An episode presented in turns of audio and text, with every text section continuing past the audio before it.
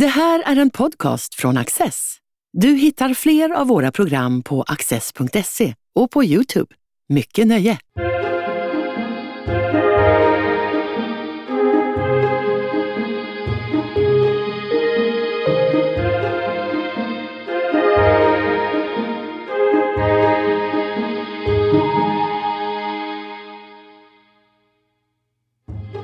Hur påverkas vår historia av mötet mellan kulturer? Det undersöker Daniel Leviatan som är doktorand i judaistik vid Lunds universitet. Han skriver sin avhandling om sakral judisk arkitektur som synagogor och begravningskapell i de nordiska länderna. Daniel Leviatan, välkommen hit! Tack så mycket. Varför valde du just det här ämnet, judaistik? Jag har sedan så länge jag kan minnas varit intresserad av både historia och egentligen av min egna historia. Och det började väldigt tidigt genom att utforska egyptologi och antika Egypten och ledde mig väldigt snabbt in på liksom, eh, judisk historia, antik judisk historia. Och ju mer jag fördjupade mig inom liksom, det judiska folkets historia, ju mer växte intresset. Ledde mig till att flytta till Israel, studera arkeologi och där just det blev ju väldigt, väldigt mycket just judisk arkeologi, biblisk arkeologi. Och sen så har det liksom, jag har inte kunnat sluta mätta mig själv med det utan det har bara vuxit och vuxit.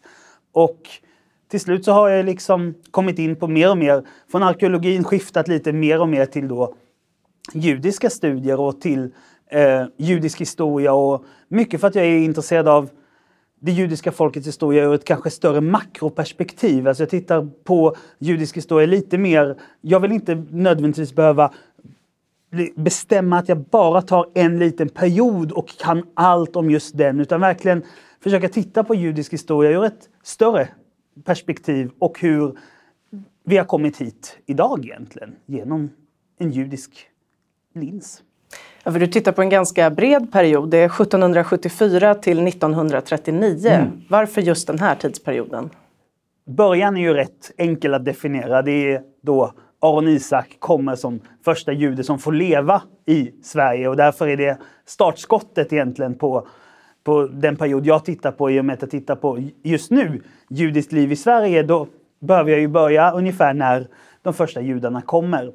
Och 1939 början på eh, andra världskriget och eh, delvis om man vill säga förintelsen eh, är helt enkelt en sådan brytpunkt i judisk historia att allt som händer efteråt, och speciellt om man vill titta på judiskt liv, det är en helt annan sak efter de fruktansvärda åren eh, runt andra världskriget och förintelsen. Att det får helt enkelt inte plats i, det, det, behöver sin egen behandling. Det går liksom inte att få in i eh, ett sådant forskningsprojekt.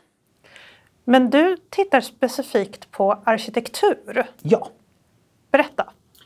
Jag bestämde mig helt enkelt för att titta på synagogorna som vi har i Sverige. Det började lite megalomanskt ska jag säga eh, med att jag ville titta på synagogorna i Norden.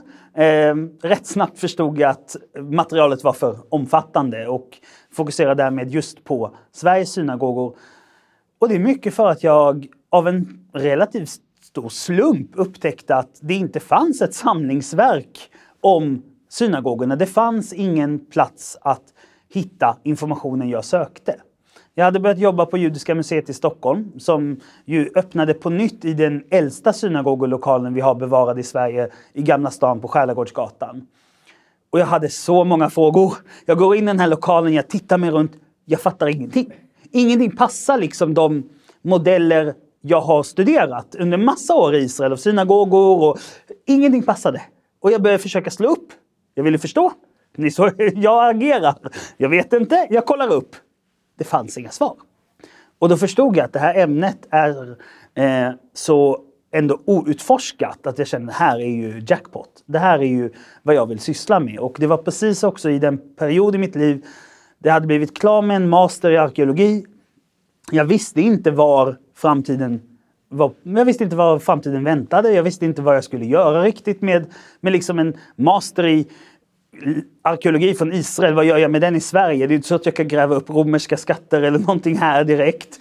Eh, vad gör jag med detta? Doktorerar jag inom arkeologin? Vad fortsätter jag? Och helt plötsligt så genom då, helt plötsligt börjar jag jobba på Judiska museet, upptäcker detta och sen dess, ja, har jag bara fortsatt. Så hur många eh, synagogor och kapell finns det i Sverige att studera? Jag har ungefär nio, eller om vi vill räkna tio stycken byggnader som eh, jag kommer titta på under eh, avhandlingen helt enkelt. Eh, där jag tittar på vad vi skulle kunna klassa som alltså, synagogebyggnader, alltså eh, distinkta byggnader som byggs framförallt, inte alltid nödvändigtvis, den första synagogan är ju Själagårdsgatan. den byggdes inte som ändamål för att bli synagoga, men den har så pass mycket förändringar gjord interiört att eh, den ändå kommer in som, vad ska jag säga, eh, jag brukar kalla den för protomonumental, alltså någonting för, för, före stadiet av att bygga stora synagogor. Men sen tittar jag ju framförallt på de fem eh, stora synagogorna som byggs runt om i städer i Sverige.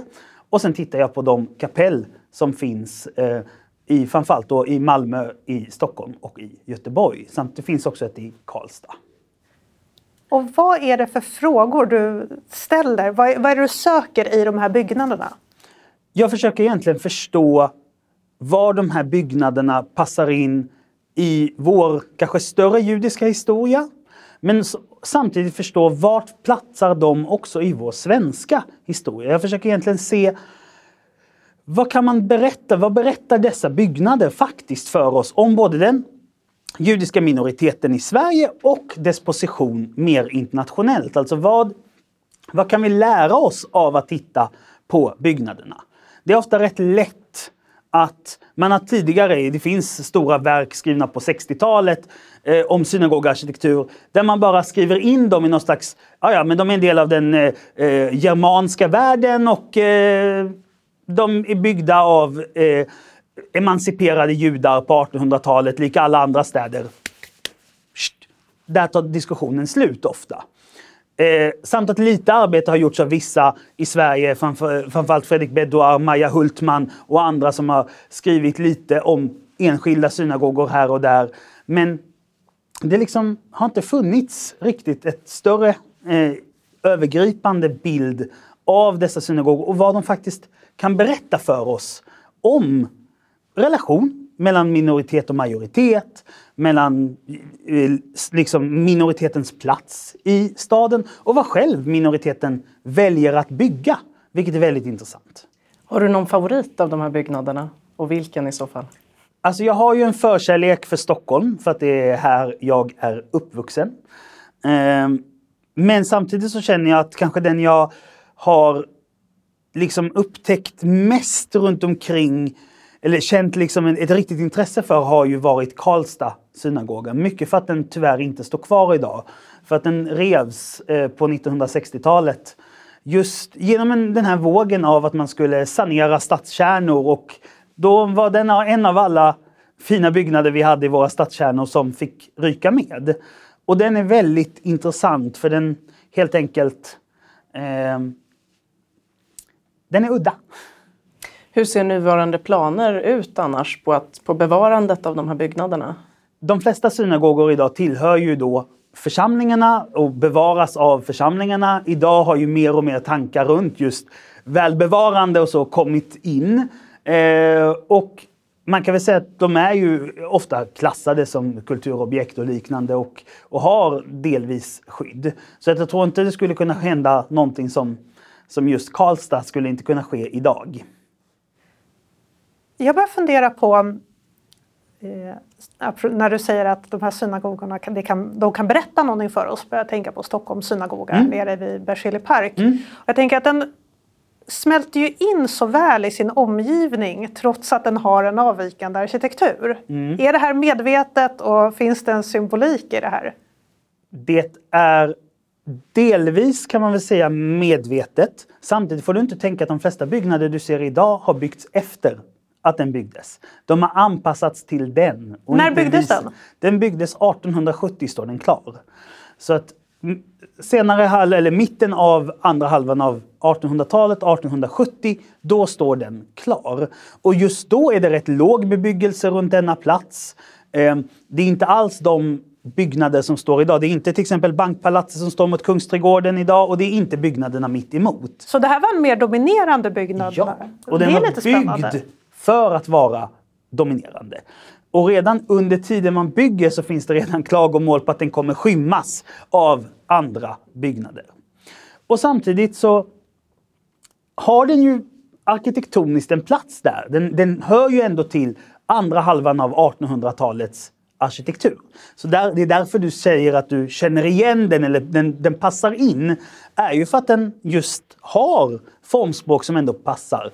Samtidigt som eh, arkitekten då, Fredrik Wilhelm Scholander, det är alltså den stora arkitekten under samma tid. Alltså församlingen i Stockholm anställer den mest pampiga praktiskt taget arkitekten under denna tid för bygget. Det är jätteviktigt den här statusen av att, att Scholander är den som bygger eh, synagogan och ritar synagogan. Trots att han är missnöjd med placeringen och han tyckte att man skulle ha en mycket, mycket tydligare plats där man kunde se den mycket mer.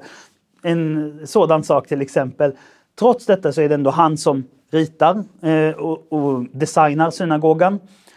Och han är ju bland de stora under den här tiden, men han väljer också att inkorporera element som han anser antagligen ska liksom passa in för vad det judiska är för någonting. Om vi rör oss lite bort från Stockholm mm. och tittar istället på Norrköping som mm. du nämner i din forskning. Varför är just Norrköping intressant att titta på?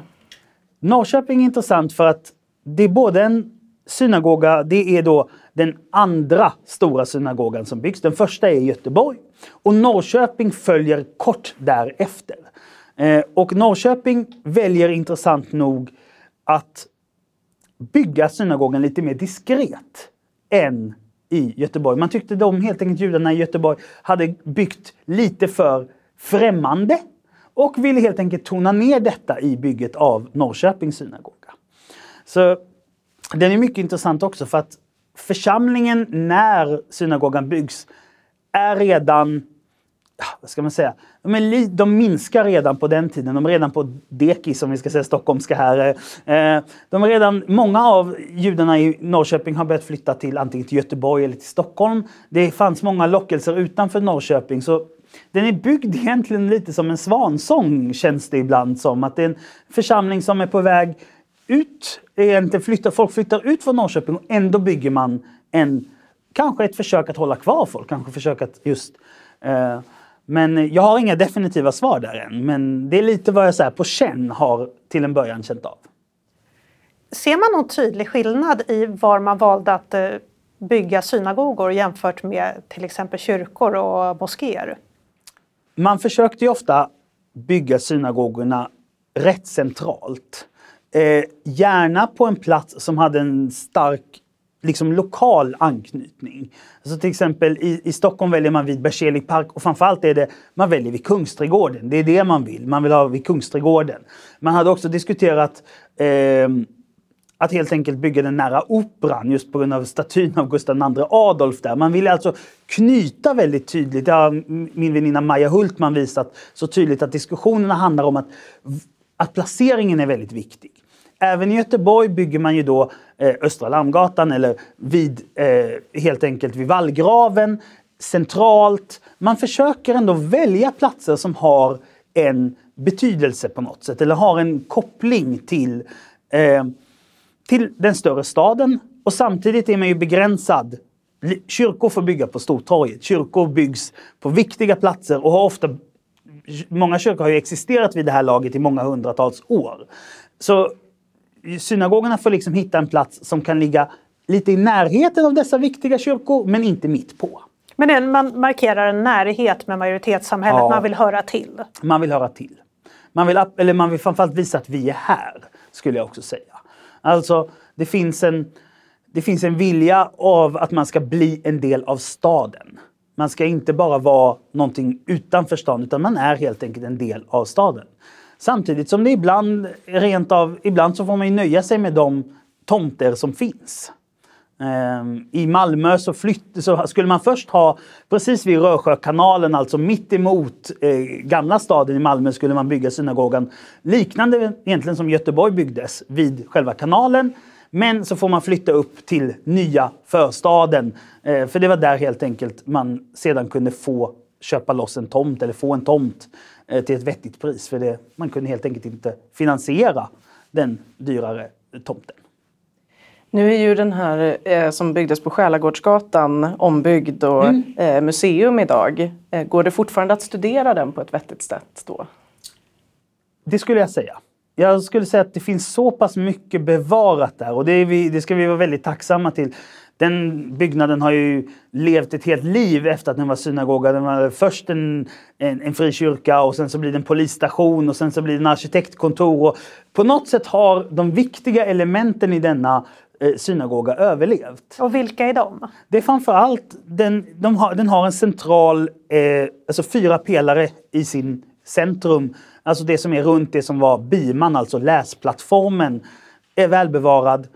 Samt så är också kvinnoläktaren välbevarad. Den är helt intakt kan man i mångt och mycket säga. Förutom att bänkarna, så det som är borta i synagogan är bänkarna och eh, inredningen. Men själva skalet, själva, och under den vita färgen visade det sig också att det fanns, eh, där fanns lagren som ligger under av färg från den ursprungliga dekoren. Så att rätt väl går det faktiskt att rekonstruera hur denna synagoga såg ut. Det här är lite off topic, men eh, nu, jag inser när du säger att det är väldigt vanligt det här just att kvinnoläktaren överlever tidens tand i gamla synagogor. Va- Varför är det så?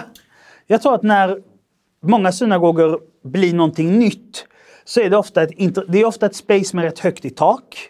Eh, och då är helt enkelt kvinnoläktaren en intressant eh, feature när man bygger om. Så att det, det jag har sett framförallt, jag har sett synagogor som har blivit kaféer eller bokaffärer. Då är det ofta att man har liksom en specialsektion av böcker där uppe. Eller tre, fyra gulliga bord där uppe som man kan sitta och fika.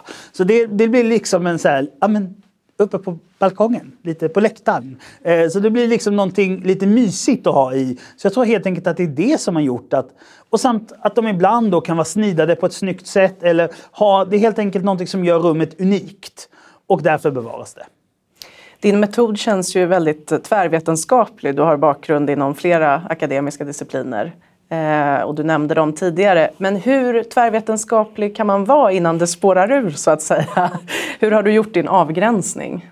Jag försöker ju titta på liknande verk som har skrivits eh, om byggnadstyper och av bekanta som helt enkelt jobbar med synagogarkitektur och försöker se helt enkelt vilka metoder använder de sig av. Och jag försöker helt enkelt konstant begränsa mig från att eh, flika ur. För att det, som du säger, alltså, det går att ta in allt möjligt. Alltså, vill man kan man ju börja arkeologiskt och antikvariatiskt undersöka bara Själagårdsgatans synagoga. Det är en hel avhandling bara det antikvariatiskt om man nu skulle vilja det. Så jag försöker helt enkelt konstant begränsa mig men genom att helt enkelt blanda lite från liksom mitt arkeologiska synsätt med arkitekturhistorisk syn och eh, lite mer konstvetenskapligt helt enkelt och samtidigt då från eh, titta på lite teorier om judisk identitet och liknande under just. Och så att vi har på något sätt helt enkelt förankra metoden i, i vad, som, eh, vad som har gjorts tidigare. Och hur når man ut med den här typen av information? Hur ser det ut med tredje uppgiften? Jag anser ju att tredje uppgiften är väldigt viktig, framförallt i, i Sverige där de flesta av oss eh, forskare är finansierade via egentligen skattemedel i olika varianter. Om det så är via eh, stora eh, stipendier och fonder som är finansierade eh, ofta genom olika, men många gånger från skatt och framförallt till exempel då min anställning som ju är skattefinansierad. Därmed tycker jag att vi forskare har ett stort ansvar i Sverige att eh, i alla fall det behöver inte vara att vår forskning är begriplig nödvändigtvis för den breda, framförallt alltså mitt ämne är ju lätt. Men jag tänker folk som sysslar i eh, kvantfysik och liknande, att försöka förklara det på en allmänvetenskaplig nivå, det kan jag förstå är lite svårare. Men det finns ändå, eh, tycker jag, en... Jag tycker att det finns ett... Vi, vi har, vi, det är ålagt oss att ändå försöka nå ut och, göra, och ändå liksom tacka för att vi har fått denna möjlighet att forska på de, de flesta av oss forskare är ju extremt passionerade över våra udda lilla ämnen. Och vi ska inte ta för givet att vi har fått denna chans att, eh, att faktiskt presentera, eh, att faktiskt jobba på detta. Och då tycker jag i alla fall att vi måste, i alla fall till viss mån, se till att detta kan nå ut och att, att folk vet om att vi sysslar med det. Sen ska jag säga att jag har ett väldigt tacksamt eh, ämne som har en, som jag tror har en samhällsrelevans att prata om och, och kan intressera många. Jag tror att det hade varit svårare om jag hade sysslat med kvantfysik eller saker jag, jag inte förstår mig på heller själv. En mer konkret nivå, inte den abstrakta så ja. att säga. Eh, vad är det rent konkret i de här byggnaderna som du ser som forskare eh, som vi andra inte ser? Det, det finns en intressant sak om jag tar då Stockholms synagoga. Den har ibland blivit den, den, kallas ibland av vissa inom församlingarna och så vidare som inte nödvändigtvis gillar den för kyrkan. Och det finns en intressant det en av de liksom, den kommentaren är väldigt intressant om man börjar titta på den. Varför säger någon en sån kommentar? Är det bara för att eh, man inte håller med om den religiösa inriktningen? Och, alltså när, det gäller, när det gäller judisk humor så brukar man ju säga att två judar, tre åsikter. Att eh, det, konsensus is not our thing. Eh, så enkelt är det. Och så råder det, det kan jag också säga, att i protokollen från de här församlingsstämmorna så visar det att det finns ingen konsensus någonsin och kan man bråka bör man bråka.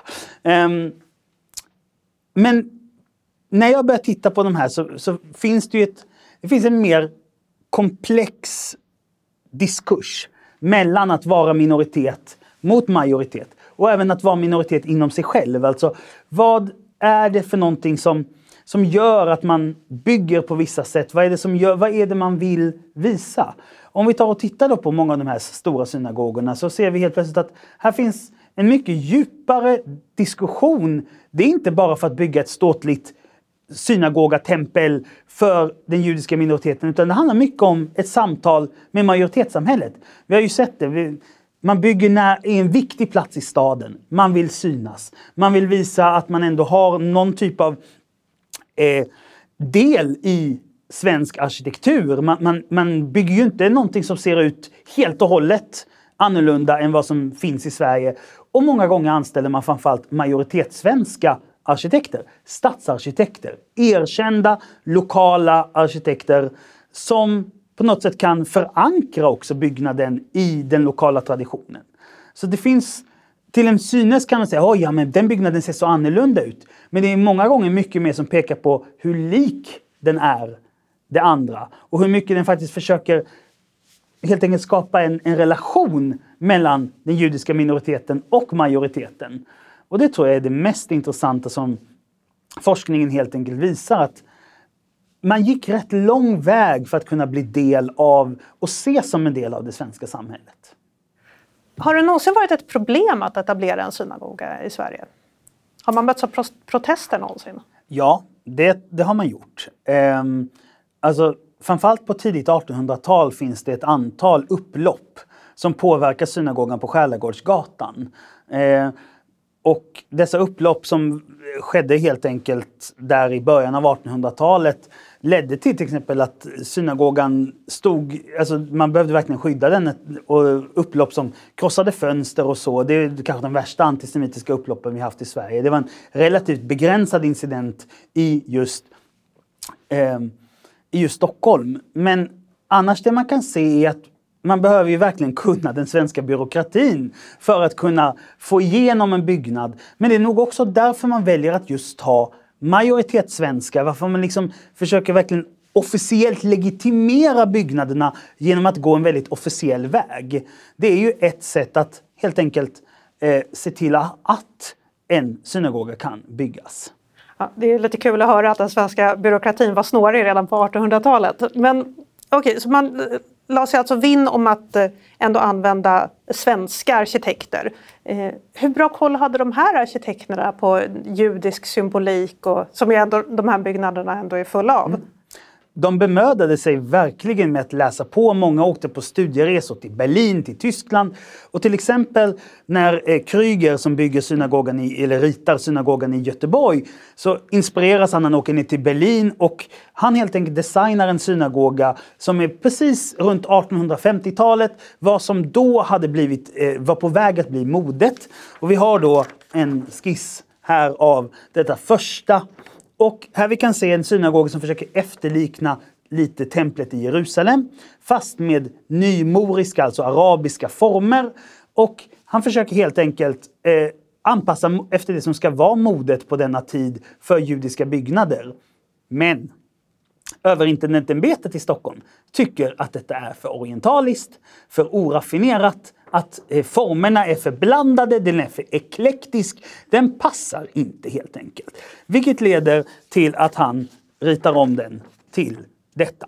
Det som står idag. Som helt enkelt blir lite mer bysantisk om man ska använda formspråksmässigt, men helt enkelt förenklar vissa och, och egentligen gör att byggnaden blir helt enkelt mer anpassningsbar till resterande byggnader runt omkring. Men det som är fascinerande är att denna typ, den kommer att byggas nästan snarlik denna i Wien, fyra, fem år efter. Leopoldstädter tempel, som kommer att erkännas som den vackraste synagogan i Europa.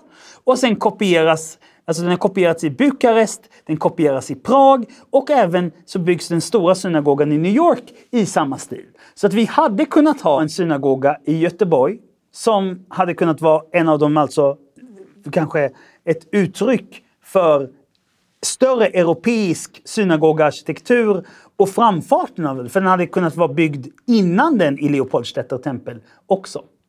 Så verkligen ett, liksom en framstående synagoga. Nu är Göteborgs synagoga fantastisk även idag, men det är rätt tydligt hur där blir det ju en intressant twist vad överintendentämbetets åsikt faktiskt, hur den påverkar och lite berövar oss av något rätt fantastiskt. Verkligen. Vad snopet. Ja. Daniel Leviatan, tack för att du ville komma hit och förklara din forskning. Tack för att jag fick komma. Du har just lyssnat på en podcast från Access. Du vet väl att vi också är en tv-kanal och tidning? Teckna en prenumeration idag på access.se.